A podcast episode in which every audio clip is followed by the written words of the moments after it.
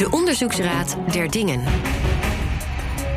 Dit is de Onderzoeksraad der Dingen, waarin Brenno de Winter en ik elke week uitzoeken wat er misging. In dit geval gaan we het hebben over phishing mails, waarvan er tijdens de coronacrisis ineens heel veel verzonden worden. En de meeste komen ook nog aan, lijkt mijn ervaring tot nu toe. Dus daar, Brenno, gaan wij het over hebben. Uh, bijvoorbeeld over het bericht wat ik vandaag dan toch weer kreeg. Uh, van de NOS is het bijna altijd de afzender. Dat is natuurlijk niet NOS, maar dat staat er wel boven. Geert Wilders is voor Nederlanders een goed voorbeeld voor hoe te slagen in beleggen. Nou, klein verhaaltje over uh, dat hij dat bij de talkshow M heeft uitgelegd. En dat we nu een maas in de wet hebben om rijker mee te worden. Bekijk hier het laatste nieuws. CPB, Dubbele punt, economische teruggang kan uitmonden in nieuwe eurocrisis. Dus je wordt ook nog meteen uitgelegd waarom je nu rijk wil worden. Uh, netjes met de NOS-vormgeving eromheen. En die berichtjes die komen aan de lopende band binnen. Ja. Kennelijk nemen mensen ze ook aan. Ik krijg ze meestal met Jort Kelder. Dus ik bel hem op. Ik zeg van waarom geef je die tip niet rechtstreeks? En uh, nou, toen werd hij heel boos en zo. Nee, even, dat is gekkigheid. Um, hij is uh, zelfs, heeft al aangifte gedaan voor het misbruiken van zijn naam. Dus het is, uh, het is een serieus probleem. Je ziet het veel, al voor de crisis. En als je zo'n mailtje helemaal gaat uitlopen, dan kom je uit bij bijvoorbeeld een badmintonclub, waar dan kennelijk misbruik van wordt gemaakt. Dus we moeten toch een beetje uitzoeken waarom dit verkeerd gaat. Ja, dat is denk ik onze onderzoeksvraag voor deze week. Waarom krijgen wij zoveel phishingberichten tijdens coronatijd? Waarmee ik overigens meteen een suggestie leg dat er een link is. Dat is misschien ook iets wat we moeten gaan uitzoeken. En we hebben twee getuigen, Brenno. Ja, inderdaad. Beide uh, van de Universiteit Twente. Marianne Jonger en uh, Jeroen van der Ham. Dus we hebben gewoon even een hele universiteit leeggetrokken. Ook de beste universiteit die er is, want mijn stiefzoon studeert daar. Dus dan hebben we gelijk maar even een waardeoordeel aangeplakt. Uh, maar mhm. inderdaad, uh, Marjan de Jonge die uh, wat beter kan uitleggen van um, hè, hoe dit allemaal psychologisch werkt. Met kan. En Jeroen van der Ham en sommigen uit de informatiebeveiligingsdienst zullen hem zeker ook kennen van het National Cybersecurity Centrum. Maar ook dus van de Universiteit Twente. Dus we hebben twee getuigen. Laten we even beginnen met het ondervragen van onze getuigen, Brenno. De getuigen. Ja, en dan begin ik weer met Marianne Jonge. Marianne, um, ik klik nooit op dit soort linkjes. Werkt dit überhaupt? Uh, nou ja, voldoende om uh, een aantal criminelen te motiveren om, om dat elke keer weer opnieuw te doen. Dus uh, ja. Er zijn mensen die klikken. Ja, ja. Is, is bekend hoeveel? Uh, nou, dat uh, is dus heel erg uh, lastig te zeggen, zeg maar. Want het varieert gewoon van bijna nul naar bijna 100. Want dat hangt gewoon heel erg van af hoe goed de, de phishing e-mail is, bijvoorbeeld. Of de webpage. En als die goed is en als het een goede context is, bijvoorbeeld het is op je, uh, je eigen bedrijf, hè, die, de, denk je, die, waar die mail vandaan komt en dan staat er bijvoorbeeld als je op deze link klikt, dan krijg je een gratis iPad of uh, gratis maaltijden uh, in deze moeilijke tijd. Uh, hè, dan is het goed geframed, zeg maar. Nou ja, en dan klikken er heel erg veel mensen. En dat is als je het echt heel goed getarget maakt. Je zegt mm -hmm. bij de mensen van dit bedrijf, misschien ook wel met de naam van de chef of mm -hmm. de mhm. CEO eronder. Ja. Uh, dat, je hebt natuurlijk ook CEO-fraude, wat hier heel dicht mm -hmm. tegen in de buurt zit. Ja. Maar dit soort algemene berichtjes, waarvan ik er inderdaad zeker 100, misschien wel 300 heb gekregen inmiddels. Mm -hmm. uh, Geert Wilders, of een andere bekende Nederlander, uh, is heel rijk geworden met beleggen. Hij heeft nu mm -hmm. uitgelegd hoe hij dat doet. ja. ja, inderdaad. Het is soms geestig, zeg maar, dat die criminelen zo creatief zijn. Um, ja, maar meestal zijn ze dat niet, zeg maar. Hè, want ze, uit onderzoek blijkt dat ze heel vaak toch proberen heel lang te doen met één truc, met uh, één toepassing van een, een kwetsbaarheid van een programma, om die zeg maar zo lang mogelijk uh, te misbruiken. Maar uh, ja, soms heb je uitschieters, zeg maar, die wel origineel zijn. Deze is origineel, want het is een nieuwsbericht. Wat je als, ja, het is niet een uh, bericht van uh, ik wil graag je bankrekening lenen om geld over te maken vanuit Nigeria of uh, waar het ook vandaan komt. Ja. wat ook natuurlijk een, een, tijd geleden was dat creatief. En misschien dat het toen ook nog wel een tijdje werkte. Maar nu, als je ziet Nigeriaanse prins, -huh. dan weet je eigenlijk al genoeg. Maar dit is toch ook al een maand of twee, drie gaande inmiddels. Ja. Dat kan haast. Ja, die eerste weken kan ik me dan voorstellen dat mensen denken: Goh, wat grappig, hoe zou dat werken? Ja. Maar of, of omgekeerd, is het juist niet de, de herhaling die leidt tot dat mensen het gaan geloven? Uh, ja, dat is ingewikkeld, omdat we hebben niet van, uh, overal onderzoek naar gedaan. Hè. Dit is zeg maar een relatief nieuw probleem. Mhm. Fraude is natuurlijk een heel oud probleem. En dit is een moderne toepassing, zou je kunnen zeggen. En het is toch altijd uh, ja, effectief genoeg, zeg maar, om, de, om die criminelen actief te houden. Uh, aan de andere kant kun je ook denken van zolang hij uh, niet door de spamfilter wordt, hè, eruit wordt gehaald uit jouw inbox, ja, dan kost het weinig energie om dat te blijven doen. En wat ook zo is, hè, als je zelf in het veld zit, dan denk je, ja, weten mensen dat langzamerhand niet. Maar heel veel mensen weten het toch niet precies. En uh, er zit altijd wel enige vernieuwing in. En er is natuurlijk ook niet altijd heel systematisch campagne om mensen te informeren. Dus uh, je moet al zeg maar belangstelling hebben uh, in het onderwerp om dan naar de Fraude Helpdesk bijvoorbeeld te gaan, om daar eens te gaan kijken wat de laatste mode is. Uh, maar ja, anders, hoe zou je het allemaal precies moeten weten, zeg maar? En Weet, wat, wat zijn de trucs die worden toegepast om mensen te verleiden om te klikken? Eén, uh, dus, dus je kunt dus veel geld verdienen, lijkt me helder. Je houdt mensen een vis voor. Ja. Uh, zijn er meer van dat soort triggers? Ja, nou ja, iets anders is uh, autoriteit gebruiken. Hè? Bijvoorbeeld de Belastingdienst die vraagt of je toch echt langzamerhand dat bedrag stort. Of een boete die je moet betalen. het is een soort dreigen. Uh, dreigen ook met ransomware bijvoorbeeld. Hè, dat, um, van, van, je hebt uh, porno gekeken en dat hebben wij, uh, daar hebben wij een filmpje van. Um, dat is ja, afpersing eigenlijk, hè? Ja, dat is gewoon afpersen. En dat maakt gebruik van, van uh, hè, dat is zeg maar het verschil met marketing. Hè. Een deel van die principes zijn als het ware marketingprincipes, maar een deel, omdat het criminaliteit is, gaat daar ook aan voorbij. En dan probeer je toch uh, wat meer nog te focussen op bijvoorbeeld dat mensen ook wel eens, nou, bijvoorbeeld porno kijken. Uh, hè, dat, lijkt, dat is een relatief goede gok, zeg maar.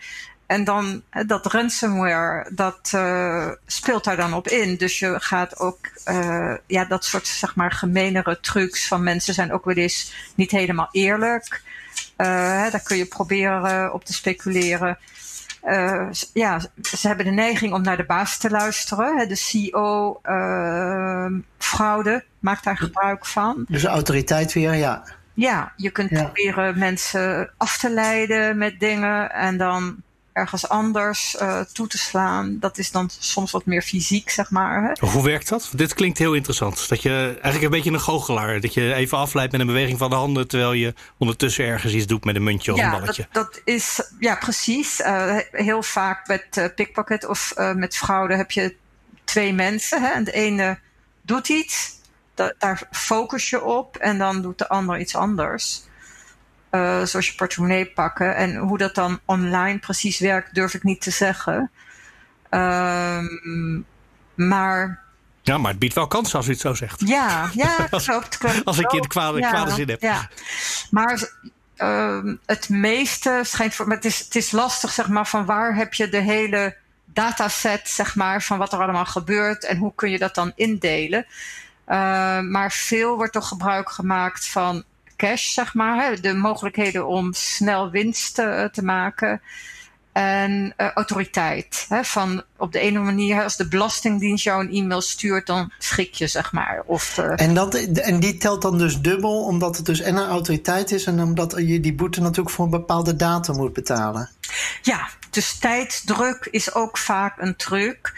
Uh, ook omdat uh, als er geen tijdsdruk is, dan geef je mensen de tijd om er nog eens over na te denken. En het bijvoorbeeld te bespreken met iemand anders, hè, je huisgenoot of de buurman die er meer van weet.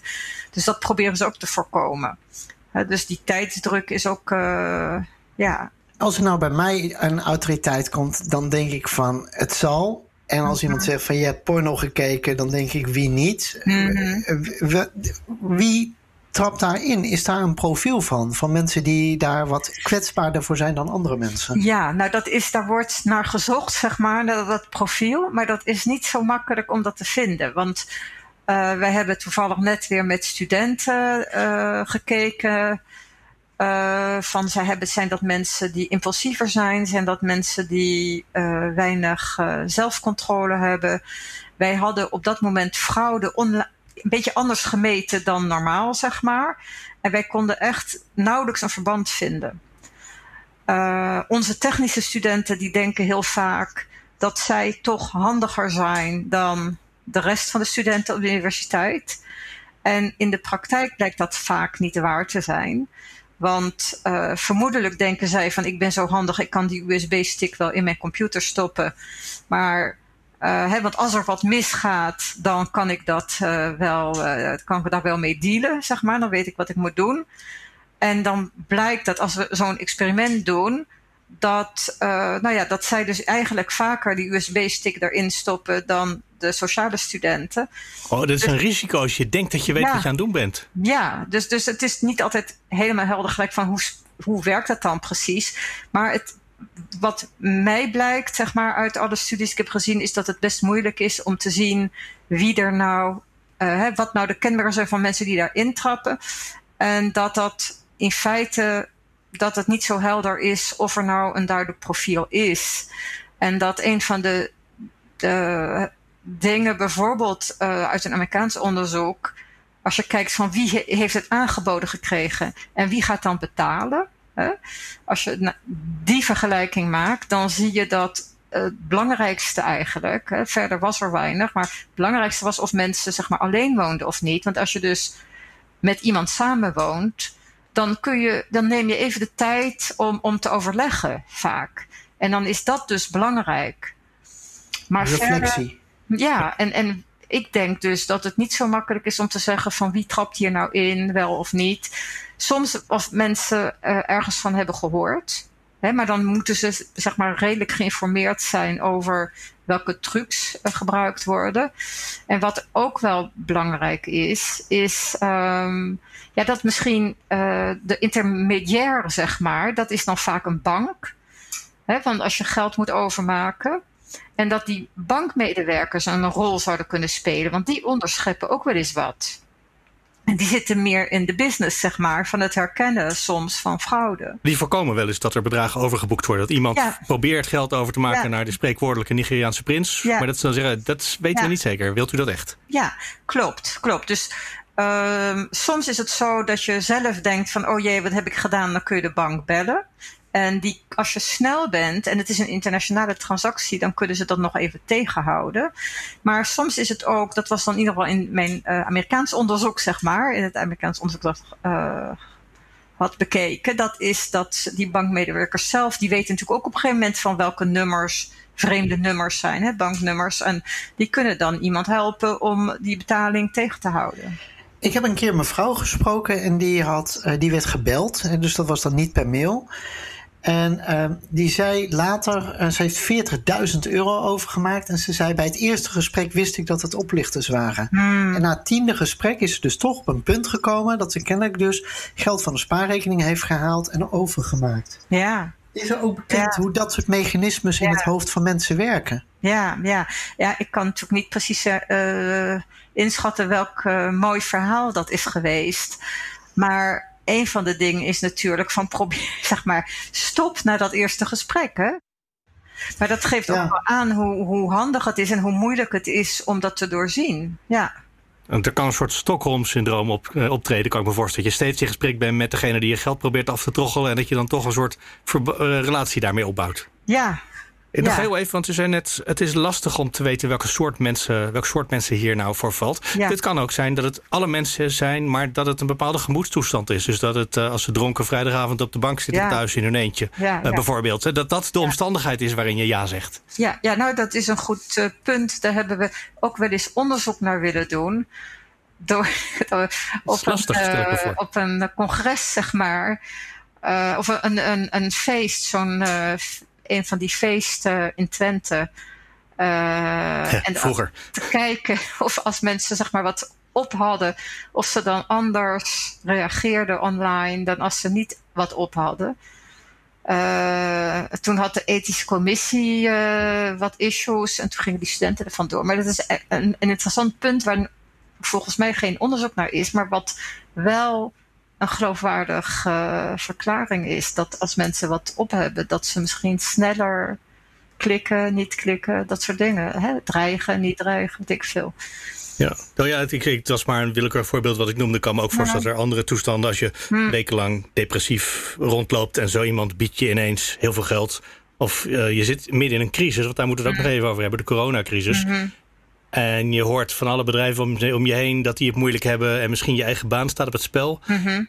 Dat dan Geert Wilders biedt een uitweg. -hmm. Nu snel nog even al je geld aan ons overboeken. Ja. Ja. Uh, dat, dat, dat, je dat, dat dus de toestand je ook kan helpen misschien. Is er, een, Ja. is er Ja. aanwijzing dat het, het virus dat het er op deze manier toeslaat? Eh, nou ja, ik denk schulden hebben wel een issue is. Dus dat is niet per se dat je arm bent of zo, maar wel specifiek schulden.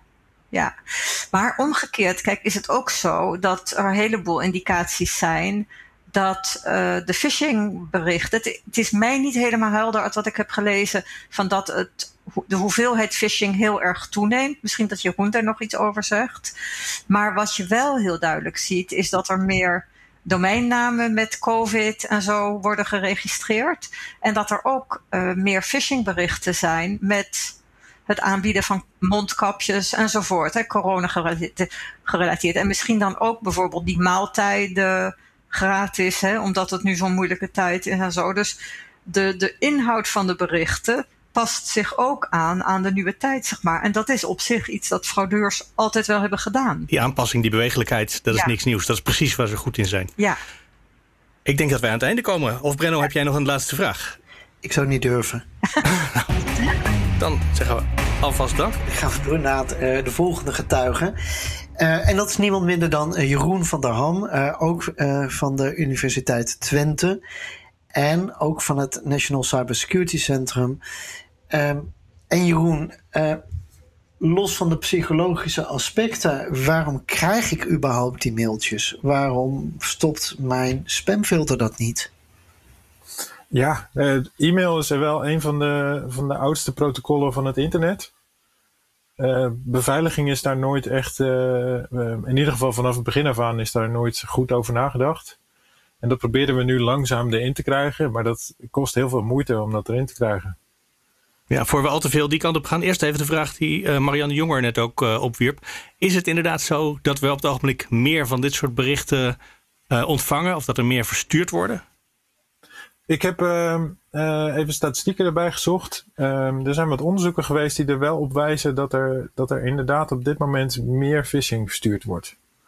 En dat het aantal echt verdubbeld is sinds, sinds maart ongeveer.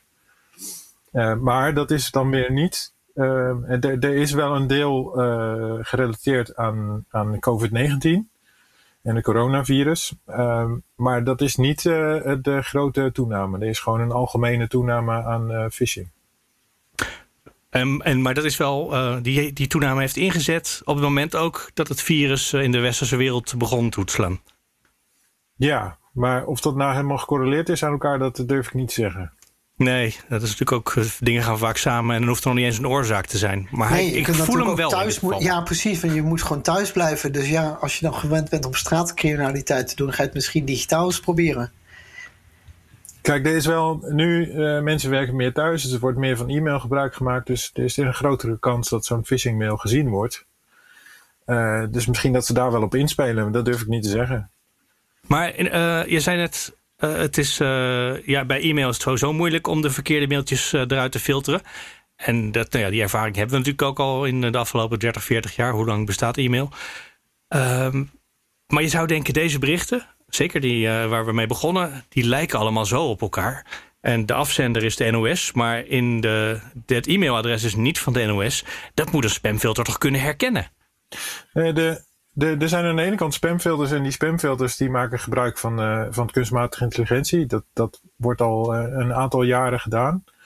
Of dat daadwerkelijk eh, werkt is weer afhankelijk van een heleboel factoren. Ehm, en naast de kunstmatige intelligentie worden er ook wel vaste regels gebruikt om, om legitieme e-mails te herkennen. En de afgelopen jaren is er gewerkt aan standaarden die, die helpen om de veiligheid van e-mail en de betrouwbaarheid van e-mail om die te verbeteren. en dan hebben we het specifiek over SPF, DKIM en DMARC. Um, Hier, precies.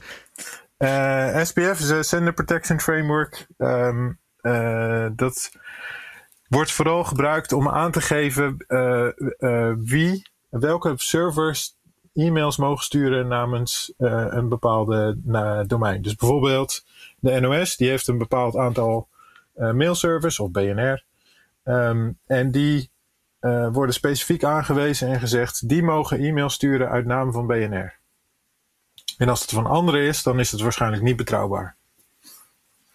DKIM uh, doet iets vergelijkbaars, maar die gebruikt uh, cryptografische sleutels, die dan gebruikt worden om uh, berichten te versleutelen. En het idee is dat alleen de legitieme afzender de, de originele sleutel heeft om die, om die berichten te ondertekenen.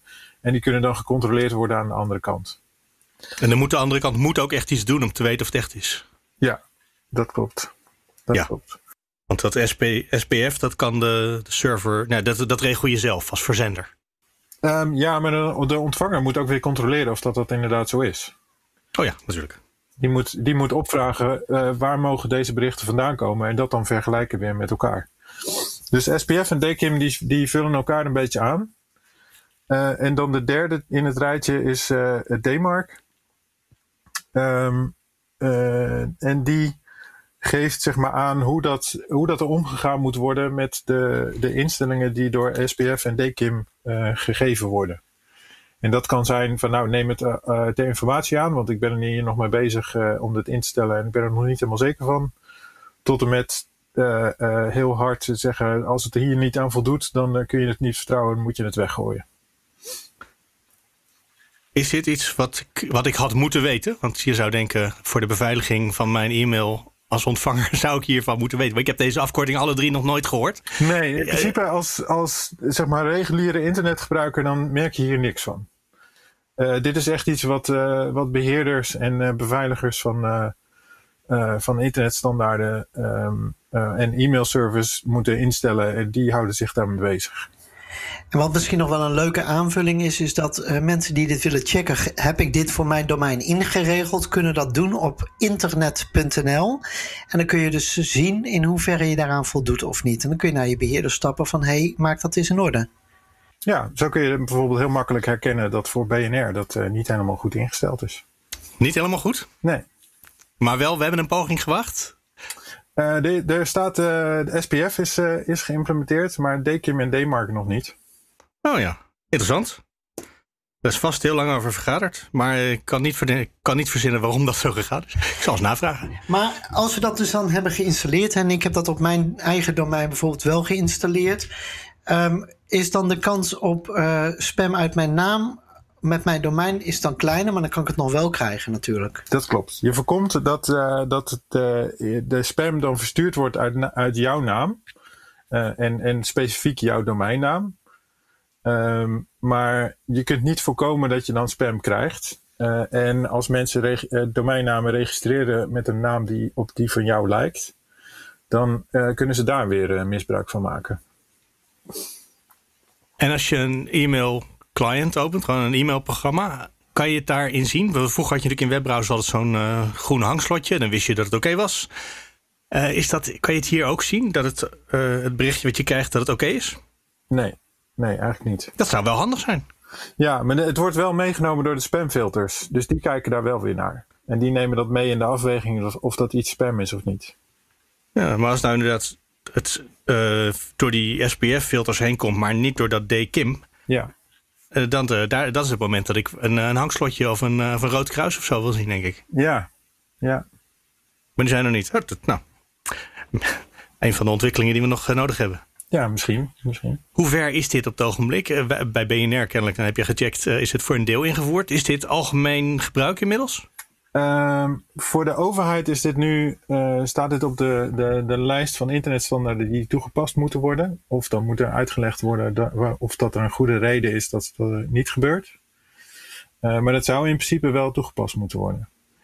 En voor andere domeinen zou dat ook, ja, kun, raden we dit wel aan. Uh, verstandig, ja. Is het verstandig? Ja. Maar ja, dat, dan nog steeds helaas lossen we dan nog steeds het, het probleem van, uh, van spam nog niet op. Want jullie gaven eerder namelijk het voorbeeld van een badmintonvereniging. Het ja. punt is, als die badmintonvereniging gehackt wordt en die server die wordt overgenomen, dan kun je nog steeds uit naam van die badmintonvereniging e-mails sturen die niet herkend worden als niet van de badmintonvereniging. Ja, en mag ik daar ook nog iets over zeggen? Het, Zeker. Het punt is dat mensen zullen altijd uh, e-mails blijven versturen. En het is niet zomaar mogelijk om te verbieden, zeg maar. En er zullen ook altijd e-mailadressen uh, online staan. En af en toe wordt er een database uh, gehackt, zeg maar. En dan komen er ook weer een heleboel e-mailadressen beschikbaar. En dan is het lastig, zeg maar, hoe. Dat, het is fantastisch als de techniek haalt er een heleboel uit. Maar je houdt de kwetsbaarheid van dat ik een e-mail kan uh, sturen aan Jeroen of Jeroen aan mij, zeg maar. En dat blijft dus wel een, een probleem, zeg maar. En dan bijvoorbeeld, dan denkt je aan een e-mail van uh, dat Jeroen dat stuurt van hey, ik ben op vakantie en al mijn geld is op en ik heb nu 200 euro nodig. Ja, klopt. Uh, stuur eens wat, ja. Of, of mijn zoon of dochter enzovoort. Hè? Ja.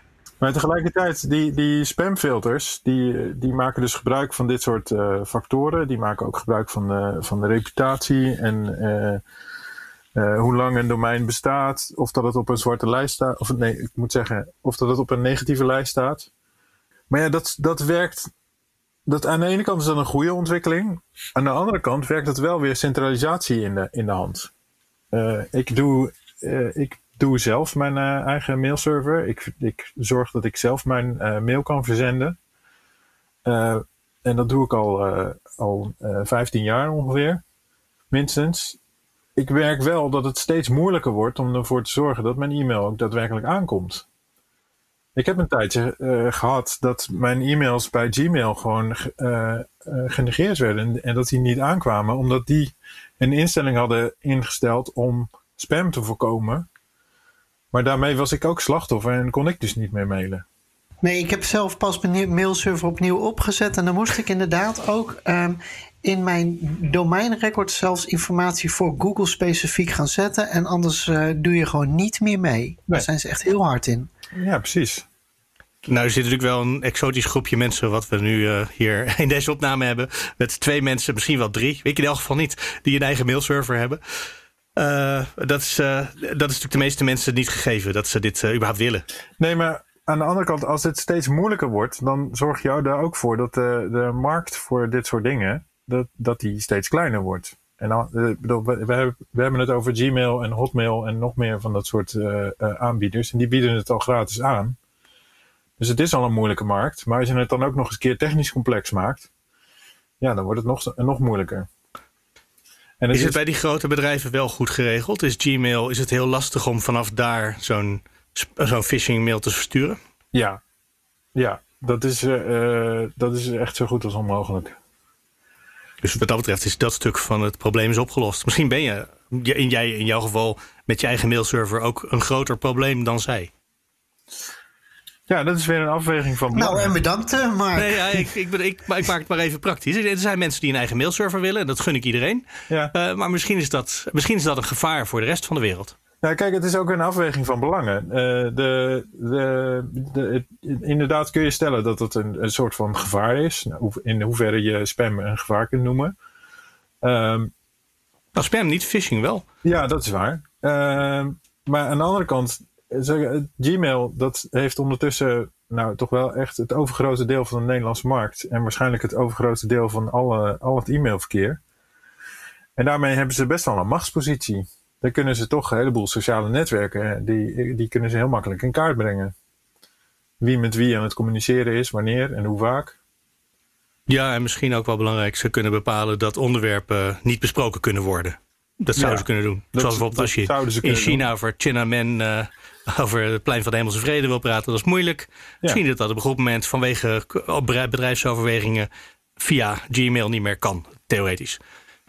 Ja, dat heb ik nog niet gemerkt dat dat gebeurd is. Maar dat, dat, theoretisch zou dat kunnen, ja. Ja. Dat is wel een gevaarlijke... Dat is wel een risico wat we daarmee lopen. Een paar weken geleden hadden wij Zoom in de, in de podcast. En eh, Zoom heeft letterlijk een eh, account tijdelijk afgesloten. Omdat daar werd ver- vergaderd over, of gesproken over het plein van de Hemelse Vrede. Eh, Ja, en een deel van de sprekers zaten trouwens niet in China, maar in Amerika. Dus dat is ook nog een, eh, een deel. Goed, nou ja, dat, is, ik, dat zijn redenen waarom je misschien toch je eigen mailserver wil hebben. Om dat gewoon zelf onder controle te hebben. En je dat is technisch heel moeilijk. Maar er zijn wel die standaarden, dat SPF tot en met DMARC. Als we dat invoeren en als mensen scherp worden eh, met het onderzoek van Marjan Jonger. Zijn we er dan? Of blijft dit gewoon altijd iets wat toch de, ja, de wereld blijft bedreigen op een serieuze manier? Dat denk ik wel. Dat denk ik wel. De misleiding en, en fraude, dat werd altijd wel gedaan. Eh, en dit soort eh, criminelen, die zullen dan een andere manier vinden om hun, eh, gang te gaan. Ik bedoel, je, jij had het over phishing mails over Jort Kelder die beleggingsadvies geeft. Dat hebben ze ook al via reclames op Facebook geprobeerd. En die zijn daar weer eh, afgehaald. Maar ja, ik bedoel, ze, ze, ze proberen allerlei manieren om maar in contact te komen met, de met slachtoffers. Dus het medium inderdaad is niet meer dan dat, het medium. Nee. En het mechanisme eh, blijft gewoon bestaan. Ja, nee, en, en eh, je merkt in de informatiebeveiliging dat, dat we zeg maar, steeds meer maatregelen hebben genomen, eh, steeds meer kwetsbaarheden hebben weggenomen. Eh, en de mens is toch een, een dat blijft een, een, eh, een, een gevoelig punt. En de phishing is een hele mooie manier om daar, om daar misbruik van te maken. Ja, nou ja, ik- ik ben helemaal mee eens, Jeroen, dat het precies zo is. En technisch kun je wel toch dingen voor elkaar brengen. Want bijvoorbeeld de verliezen die de banken hadden van de afgelopen tien jaar, die zijn wel heel erg naar beneden gegaan. Eh, dankzij bijvoorbeeld dat ge- geoblocking. Eh, maar vervolgens na eh, een flinke daling over een aantal jaar gaat het nu wel weer een beetje omhoog. Het blijft natuurlijk altijd een beetje heen en weer gaan. Dat is, Ja. een- dat is- ja, de strijd om onze aandacht en om geld. Ja, klopt. Ja. Ik denk dat wij aan het einde komen. Dan gaan wij onze getuigen hartelijk danken. En dan komen we bij het einde van de podcast. En dan hebben we altijd ons advies. Advies. Ja, en het eh, advies is dus inderdaad eh, tweeledig. Ehm, weerbaarheid begint dus eigenlijk bij eh, het beter opleiden van mensen en dus de scenario's laten zien. Ruimte claimen voor reflectie en als er intermediairs zijn die een rol laten spelen. Voor de bedrijven en mensen met een mailserver is het natuurlijk te verstandig van voldoe je aan de standaarden. Ehm, werk je in de zorg en ga je ook wel eens met medische informatie om, dan ben je overigens sinds eind mei verplicht om aan een boel van deze standaarden te voldoen. Dat heet de NTA 7516. Dus dan echt even gaan naar internet.nl om te checken waar je in ieder geval staat met het gebruik van de standaarden die eh, Jeroen noemde, hè, de DKIM, de SPF eh, en de D-Mark met een C op het eind. En ehm, in het, eh, in het gedrag dus. We moeten dus echt voorbeelden gaan, gaan delen. Kijk, dit deugt niet, dus leer daarvan.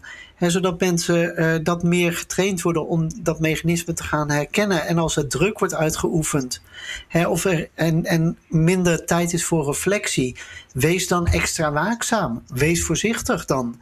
Want dat, dat zijn toch de belangrijke kenmerken. En, en natuurlijk op het moment dat er geld over moet worden gemaakt en je bent niet gewoon in een webwinkel iets aan het kopen, ja, dan moeten eigenlijk gewoon al die alarmbellen afgaan. Ik ga er één dingetje aan toevoegen, want in de laatste minuten heb ik geleerd dat wat we ook doen, dat het toch blijft.